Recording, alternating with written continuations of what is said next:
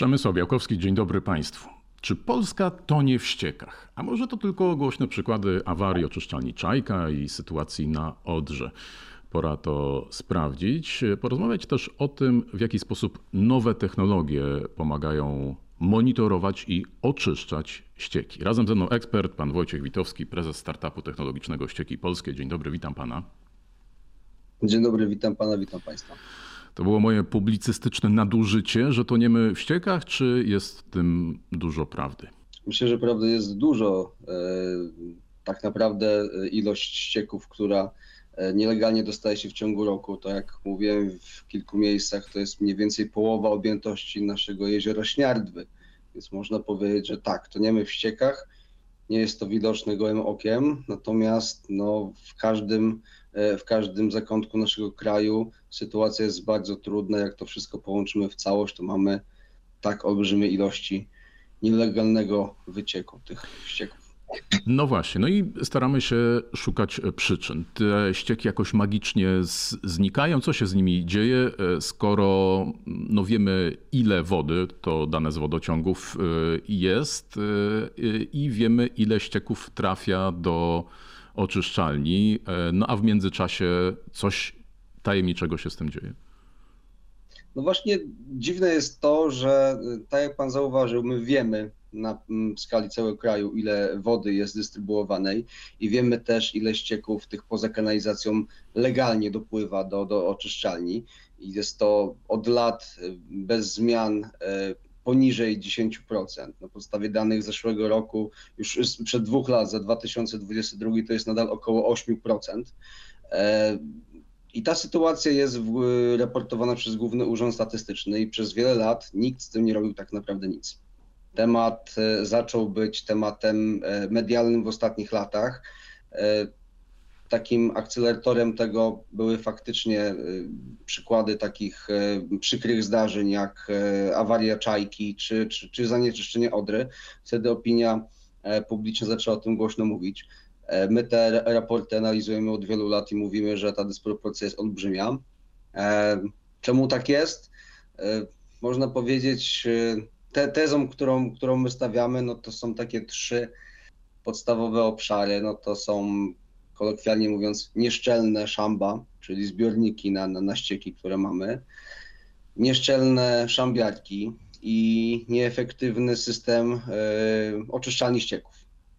Y, dlaczego w ten sposób? No, mamy takich zbiorników asenizacyjnych, czyli potocznie mówiąc szamb, E, ponad 2 miliony, razem z systemami przydomowych oczyszczalni ścieków to jest 2,5 miliona takich jednostek. Zbiorniki bezodpływowe, jak nazwa sama wskazuje, powinny być bezodpływowe.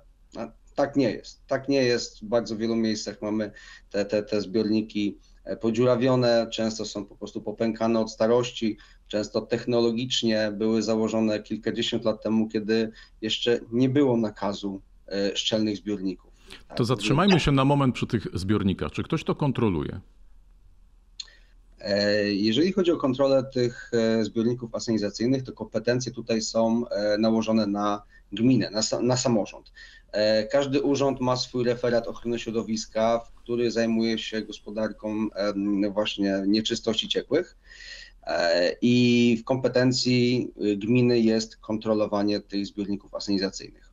Do tej pory było to bardzo ogólnie określone w ustawie o utrzymaniu i czystości porządku w gminach, natomiast to się zmieniło i myślę, że było to e, skorelowane właśnie z tym, że opinia publiczna zaczęła o tym, o tym mówić, e, o tym, że Komisja Europejska zaczęła zwracać uwagę, że Polska nie spełnia tych elementów dyrektywy ściekowej także w punkcie ścieków właśnie ze zbiorników bezodpływowych.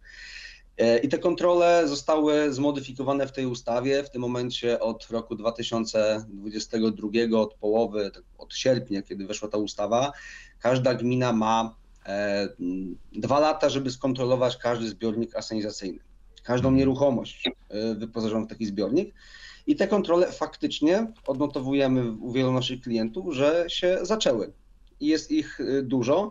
Czy jest ich wystarczająco e, tyle, żeby sytuację e, opanować? No to pokażą najbliższe lata, pokaże najbliższe sprawozdanie z kontroli, które już za kilka miesięcy. Mhm. A zastanawiam się, jak w praktyce takie kontrole wyglądają. Przychodzi urzędnik gdzieś na, na posesję. Jeśli ten zbiornik, e, jak pan mówi, no są takie mm, zamontowane kilkadziesiąt lat temu, to co jest właściwie sprawdzane? O tyle jest to problematyczne, że ten typ kontroli jest tak naprawdę nowy dla każdego urzędu, bo do tej Mhm. pory nikt się tym nie zajmował.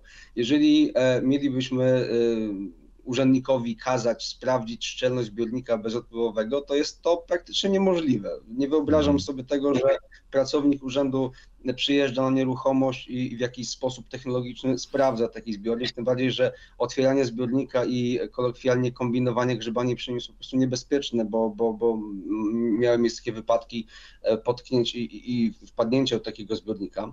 E, Tym bardziej potrzebny jest do tego urząd dozoru e, technicznego, to są, to są duże koszty, dlatego też nie kontroluje się jako tako szczelności technologicznej zbiornika, ale mm, zostaje takiemu urzędnikowi kontrolowanie dokumentów, które powinien em, okazać właściciel nieruchomości wyposażonej w szambo bądź przydobową oczyszczalnię ścieków, które jasno pokazują, że ten zbiornik jest dobrze eksploatowany.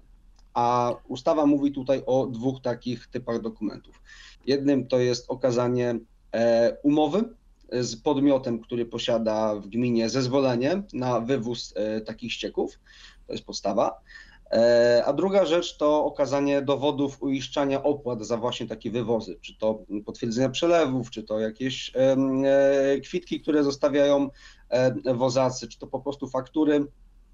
Każdy dokument, który pokazuje, udowadnia to, że właściciel w sposób regularny wywozi te ścieki, a ta regularność też z kolei jest narzucona przez, przez Radę Gminy.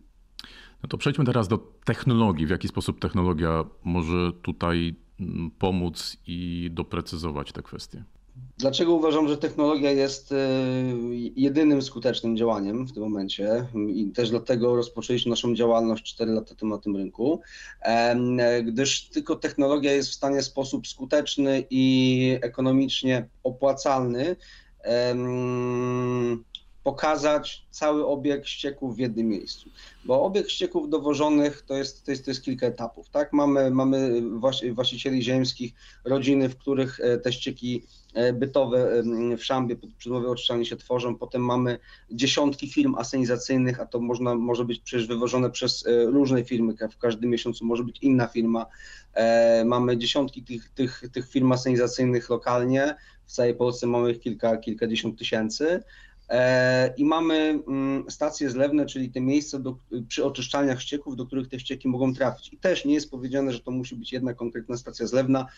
E, Wywóz ścieków to jest tak naprawdę biznes oparty na logistyce, czyli często firma asenizacyjna jedzie po prostu tam, gdzie jej bliżej, E, żeby mm, i są to mm, zarówno firmy, które jeżdżą na terenie kilku gmin naraz, są to oczyszczalnie, które są w różnych gminach, dlatego ciężko jest złapać w jednym miejscu wszystkie informacje. E, My postanowiliśmy stworzyć komplet narzędzi cyfrowych dla każdego, każdego tego elementu, czyli mamy zarówno narzędzie informatyczne dla Kowalskiego, który posiada ten zbiornik asenizacyjny, Mamy oprogramowanie, które nadzoruje e, beczki asenizacyjne w całych ich trasach, nadzoruje trasę, sprawdza lokalizację, e, weryfikuje w trybie rzeczywistym, ile zostało odebranych ścieków w nieruchomości, gdzie zostały dowiezione i ile zostało tych ścieków zrzuconych. W końcu mamy oprogramowanie, które instalujemy na oczyszczalniach ścieków na tych stacjach zlewnych, które w trybie rzeczywistym przekazuje informacje, jakie wozak podał przy, przy zrzucie. E, Wszystko to łączymy w oprogramowanie, taki parasol cyfrowy, który posiada gmina, bo to gmina jest odpowiedzialna za nadzór nad e, nieruchomościami, nad firmami, którym wyda licencję i nad oczyszczalnią, która jest e, na terenie, e, na terenie gminy. Dzięki takiemu podejściu gmina w jednym miejscu może zebrać wszystkie te informacje i zobaczyć po raz pierwszy tak naprawdę, jak ten cały y, obieg ścieków wygląda i czy faktycznie jest szczelny, czy jest kompletny. No i pewnie zoptymalizować, bo to też e, mocno wpływa na optymalizację jakby samej pracy oczyszczalni, ale wcześniej też e, transportu. Podobne rozwiązania są już stosowane choćby w gospodarce odpadami, gdzie czujniki pokazują wypełnienie kontenerów na śmieci, śmieciarki no nie przyjeżdżają do pustych czy w połowie wypełnionych kontenerów, tylko pełnych i później trasa też jest odpowiednio zoptymalizowana, opracowana, żeby jak najmniej tego powietrza wozić. Czyli jeśli dobrze rozumiem, to w tej sytuacji, w tym systemie, o którym pan mówi, również u tego już niech będzie przysłowiowego Kowalskiego, w tym jego szambie też musiałby być zainstalowany czujnik, który pokaże wypełnienie, tak, stopień wypełnienia, wiem, szczelność, jakiś nagły ubytek y, i ta informacja też będzie gdzieś tam no, centralnie jak centralnie, ale do tego systemu, który jest w gminie przekazywane. To byłoby najlepsze rozwiązanie, natomiast to rozwiązanie nie jest w wielu miejscach możliwe. E, fizyczne czujniki poziomu ścieków e, są trudne w montażu. Samo umiejscowienie zbiorników asynizacyjnych jest e, też wyzwaniem.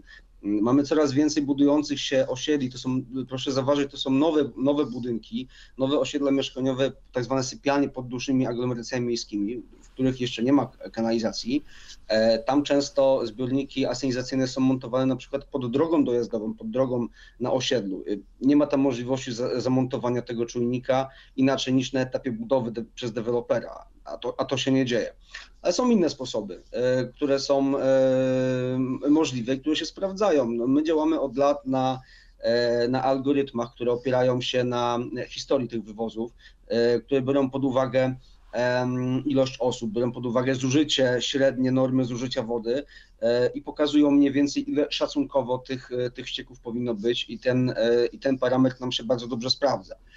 Innym takim podejściem jest ujęcie wody, która jest dystrybuowana. Mamy już systemy nakładek na, na liczniki wody, E, bądź wprost licznik wody jest, e, e, jest ogólnie dostępny, tak? Użytkownik nieruchomości może podawać, może zliczać tą wodę i, i to już jest takim namacalną informacją, ile tych ścieków powinno być, no bo hipotetycznie ścieków powinno być co najmniej tyle, ile mhm. wody dystrybuowanej, tak? Więc mając dostęp do, do, do licznika, praktycznie każdy właściciel nieruchomości, domu jednorodzinnego bądź domu wyposażonego w szambu powinien mieć taki dostęp, więc są metody łatwe do wykorzystania, żeby poinformować, jaki jest poziom tego zapełnienia, żeby doprowadzić do takiej optymalizacji logistycznej, o której Pan powiedział na przykładzie ścieków, żeby po prostu nie jeździć na pusto. Mhm.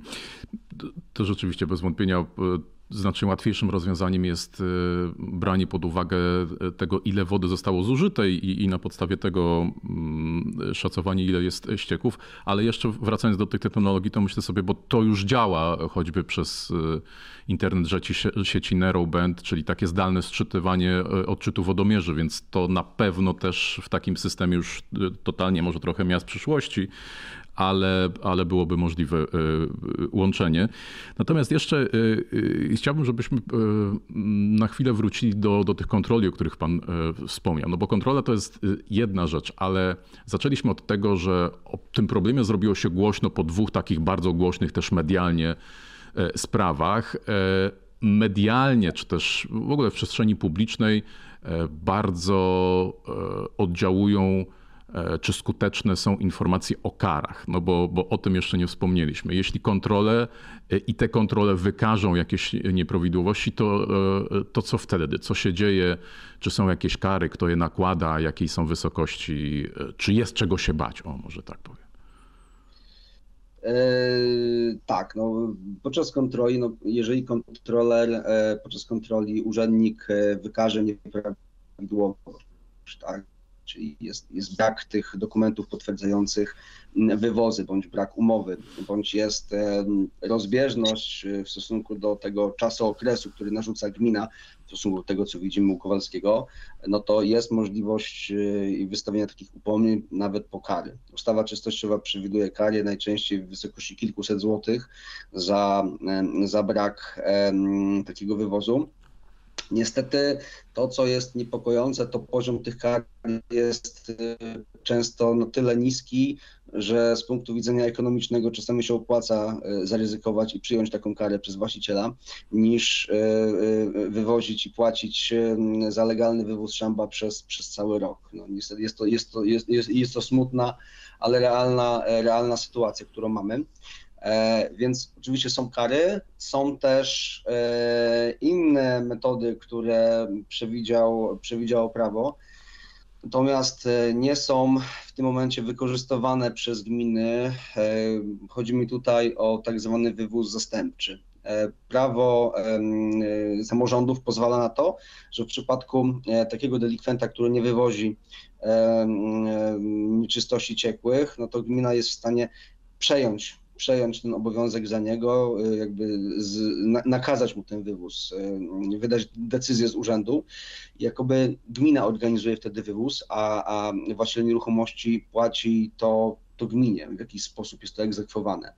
E, Jest to bardzo ciekawy i skuteczny element ustawy czystościowej, który niestety nie jest wykorzystywany w tym momencie. E, Myślę, że to jest taka bolączka nasza i, i tu jeszcze potrzeba kilku lat e, takiej edukacji zarówno e, e, wszystkich osób posiadających zbiorniki, jak i naszych samorządowców, żeby z takich działań po prostu zacząć, zacząć korzystać. Tak? Czekam na, taką, na takie gminy i samorządy, które będą tyle dojrzałe świadomościowo i środowiskowo, żeby wziąć sprawy w swoje ręce, bo mają ku temu, mają ku temu narzędzia. Bez zdecydowanych akcji samorządów, które są odpowiedzialne za to, e, możemy mieć taką sytuację, że ta dysproporcja będzie, e, będzie się polepszać, ale w sposób bardzo powolny. Proszę pamiętać, że wychodzimy z poziomu poniżej 10% legalnych ścieków, tak? Żeby zrobić z tego 100% albo blisko 100% to potrzeba bardzo wielu lat, a my tego czasu nie mamy, gdyż y, Komisja Europejska też daje nam pewien określony termin, kiedy musimy e, te sprawy ściekowe uporządkować w naszym kraju. Mhm. No dobrze, no to zakładając, że sytuacja poprawia się w tych dwóch pierwszych ogniwach, o których pan wspominał, no czyli po pierwsze mm, w tych szambach, po drugie w szambiarkach, że one gdzieś nie jeżdżą dziwnymi trasami i przez przypadek nie zatrzymują się w lesie, to czy obecna infrastruktura, mam tu już na myśli ten trzeci etap, czyli e, oczyszczanie ścieków są w stanie to e, przyjąć, czy tutaj jest jeszcze jakiś limit? No bo e, jak pan mówi, jak to jest 8% tych w dobry sposób, e, w ten właściwy sposób e, przekazywanych do oczyszczalni nieczystości, no to jakby zakładam, że ta, ta skala, ten bufor powinien być e, gigantyczna. Jak jest w rzeczywistości i na ile, od razu jeszcze dopytam, ta optymalizacja, o której mówiliśmy wcześniej, no może tutaj e, ułatwić sprawę? Z jednej strony jest to olbrzymie wyzwanie dla infrastruktury wszystkich oczyszczalni ścieków w kraju, bo one są e, nieprzygotowane na, na, na te ładunki. E, Po pierwsze, ścieki e, dowożone beczkowozami charakteryzują się jakby wyższym ładunkiem e, niż ścieki płynące kanalizacją, bo one płyną cały czas, są rozwodnione e, w, w rurociągu. E, więc w przypadku beczkowozów mamy taki jednorazowy ładunek strzał dla układu technologicznego i to jest często wyzwanie, zwłaszcza tych mniejszych oczyszczalni. Po drugie, y, do tej pory nie mając przez lata dobrej kontroli nad e, ściekami dowożonymi, e, gminy nie miały pewne, pełnej wiedzy, ile, ile tego tak naprawdę jest na, na obszarze gminy, przez co były y, stawiane oczyszczalnie ścieków, które nie wzięły pod uwagę tego ładunku, który może dopłynąć. Teraz, kiedy zaczynamy proces uszczelniać, za chwilę może nam się pojawić kolejny problem, co zrobić z tym ładunkiem, który właśnie uszczelniliśmy. To już na tym etapie trzeba e, wziąć pod uwagę bardzo mocno w planach wieloletnich rozbudowę oczyszczalni i modernizację oczyszczalni, nie tylko nieruchomości podłączone siecią kanalizacyjną, ale też całą ewidencję mm, domów, które są poza tą kanalizacją. Jeżeli to nie zostanie uwzględnione, najbliższe oczyszczalnie ich rozbudowy po prostu będą cały czas za małe. Więc chodzi tutaj o świadomą komunikację pomiędzy oczyszczalnią, między władzami oczyszczalni a referatem ochrony środowiska w gminie, żeby wiedzieć z jakim problemem e, się borykamy. E, oczywiście na pewno potrzebne są olbrzymie pieniądze infrastrukturalne, pieniądze systemowe na rozbudowę, rozbudowę tych oczyszczalni.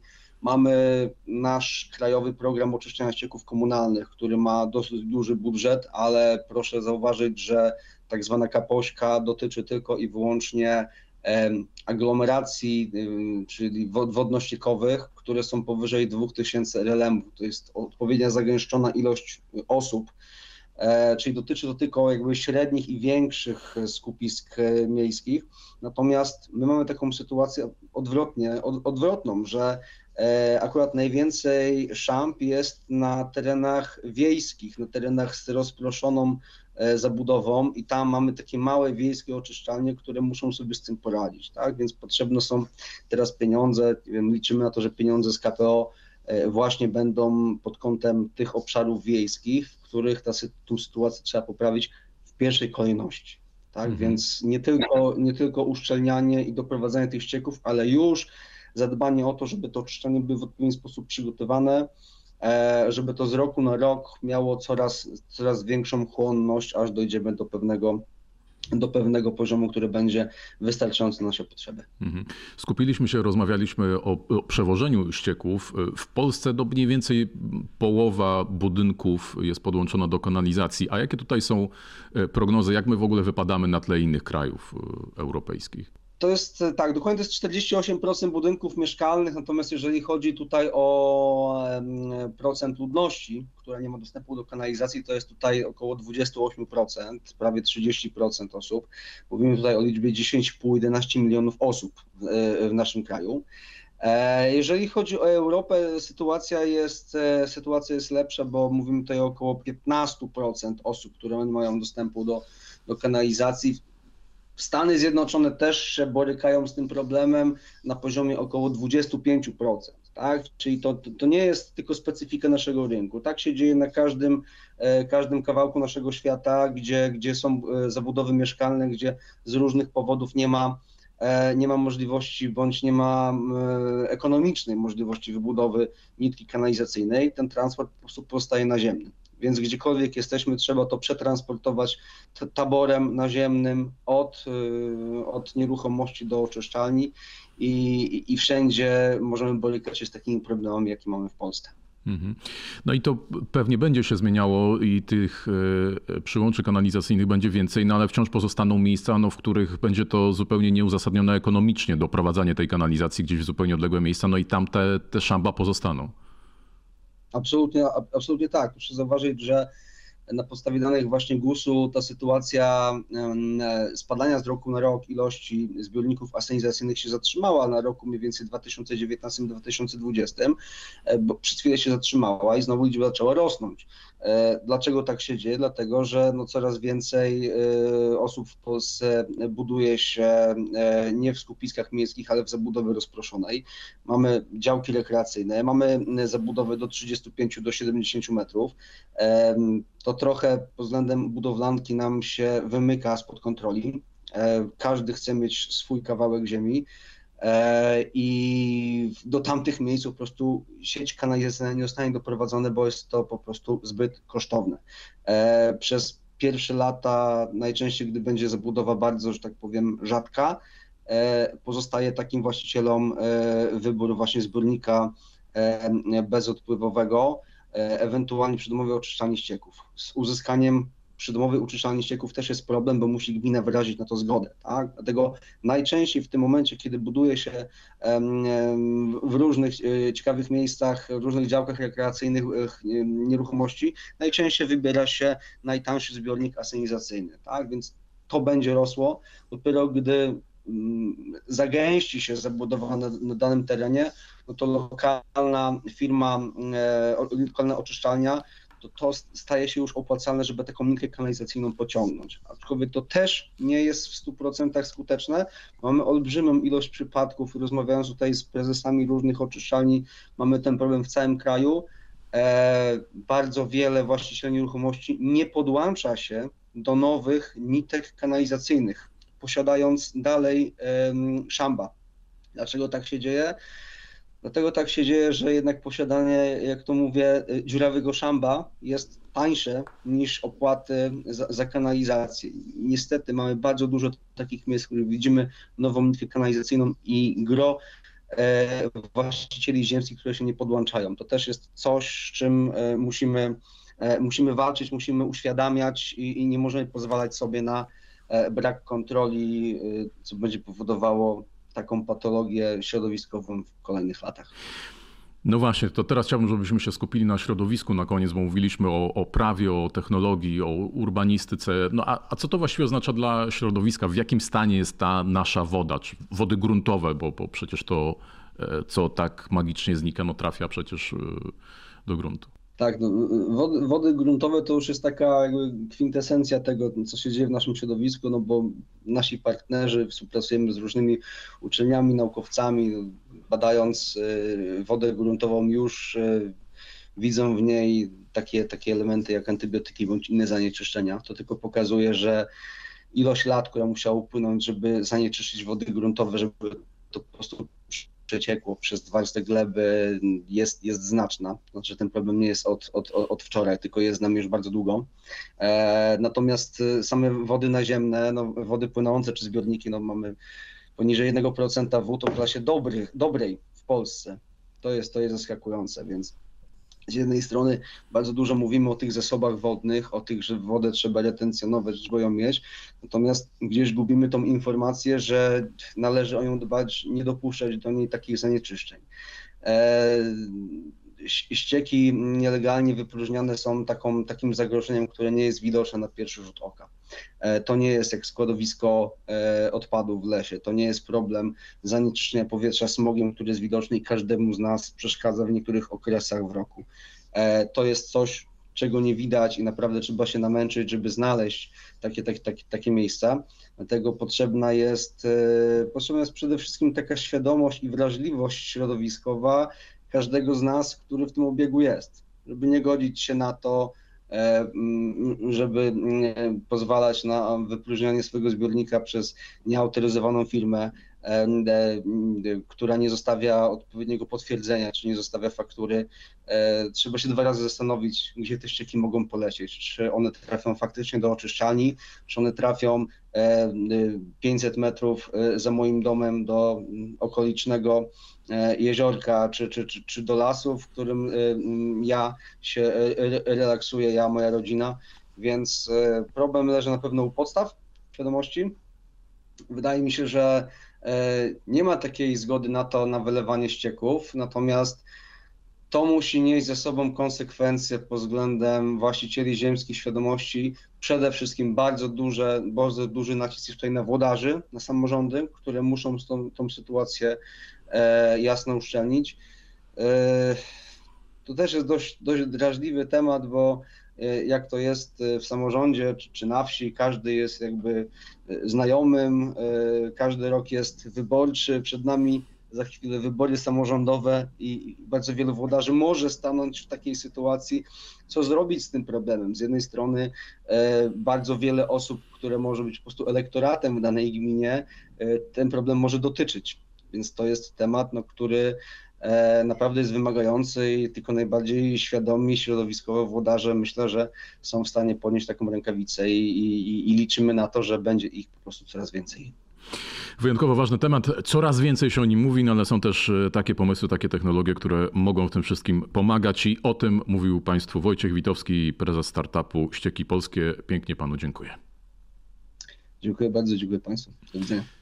Ja Państwu też dziękuję, zapraszam i zachęcam do oglądania kolejnych odcinków wideokastów Zielonej Interii. Przemysł Białkowski, do widzenia, do zobaczenia.